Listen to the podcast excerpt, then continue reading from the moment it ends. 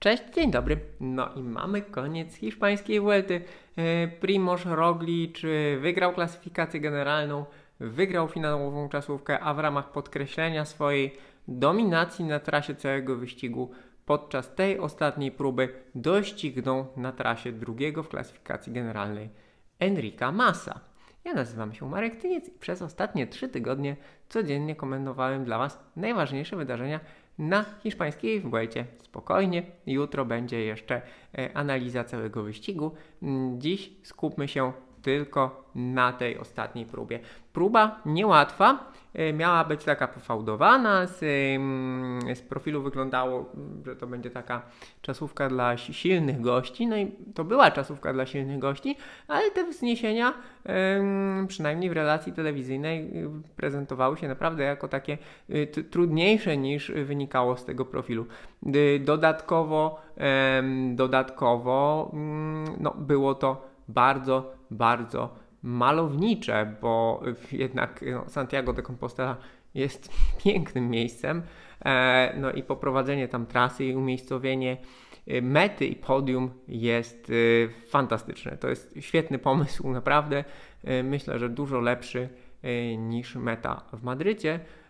No, choć oczywiście tutaj wchodzą w grę poniekąd kwestie komercyjne też, bo no, północne regiony Hiszpanii od y, wielu lat jakby uczestniczą, uczestniczą finansowo w hiszpańskiej Vuelcie.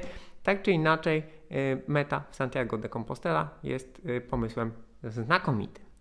E, Co do e, samej czasówki, zastanawialiśmy się, e, czy Adam Yates e, będzie w stanie wygrać e, z Jackiem Hayem i stanąć na podium.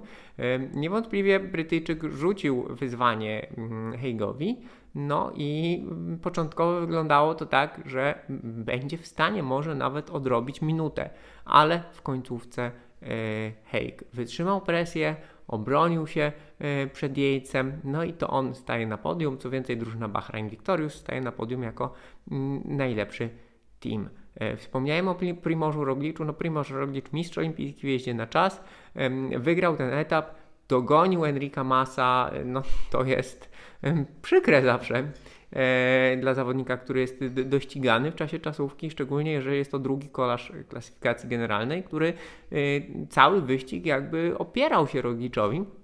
Natomiast no, powiedzmy sobie szczerze, Primoz Roglic był e, dominatorem na tym wyścigu.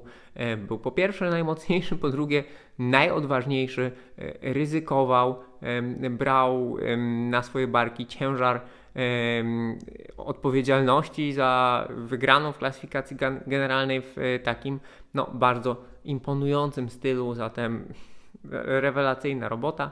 Mm, Od strony sportowej również e, było to e, na bardzo wysokim poziomie, na co wskazują czasy e, tych najtrudniejszych podjazdów, długość ataków i tak dalej, i tak dalej, ale tak jak powiedziałem, o tym będzie e, jutro. E, Ten wyścig, ta Vuelta miała jeszcze jednego bohatera, zawodnika, który dzisiaj ukończył etap na drugim miejscu, e, czyli Magnus Kort Nielsen. Magnus Kort Nielsen, który był no, równie, równie uniwersalnym żołnierzem co Primoz Roglic, ponieważ spisywał się w zasadzie świetnie w, każdym terenie, na finiszach, w górach, no i podczas jazdy na czas. Dzisiaj bardzo, bardzo długo e, był liderem etapu e, i tylko Roglic, e, tylko Roglic e, był w stanie poprawić jego czas i to też E, i to też e, nieznacznie, no, zaledwie, zaledwie o 14 sekund Primoz Roglic e, był lepszy od e, e, Duńczyka z drużyny Education First.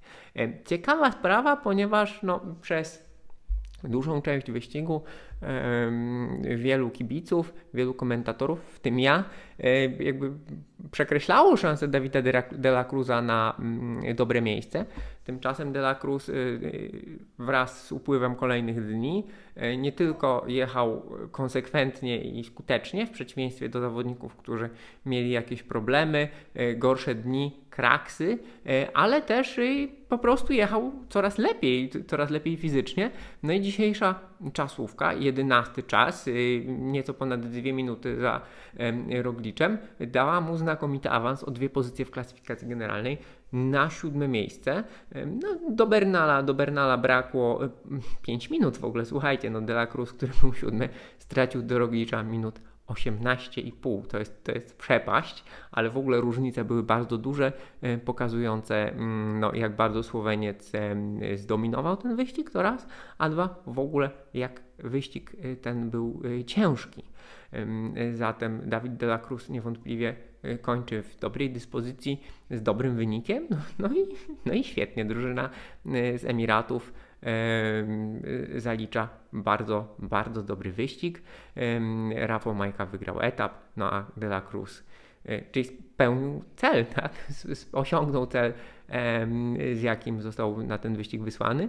E, no a De La Cruz również miejsce w pierwszej dziesiątce, no i z dobrą końcówką i z dobrym wrażeniem artystycznym Y, na koniec. Y, no i moi drodzy, tak to wygląda. Sepkus stracił miejsce właśnie na rzecz De La Cruza, Martin również stracił miejsce na rzecz De La Cruza, y, czyli to mamy miejsce 8-9, Egan Bernal szósty.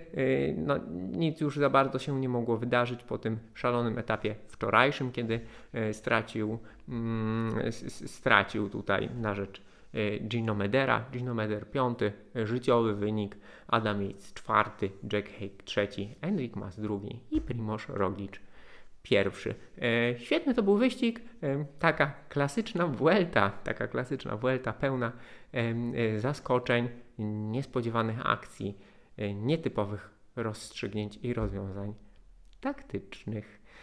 No i moi drodzy, to by było na tyle. Dziękuję Wam uprzejmie. Szerzej podziękuję Wam jutro. E, i jutro e, podsumujemy cały wyścig, bo tak jak mówiłem wcześniej, kiedy jeden wielki tur się kończy, od razu wszyscy patrzymy na to, co dalej i co on oznacza e, i jak zmieni układ w peletonie w najbliższych tygodniach, miesiącach, a może i latach. Dzięki wielkie, do zobaczenia, do usłyszenia, cześć.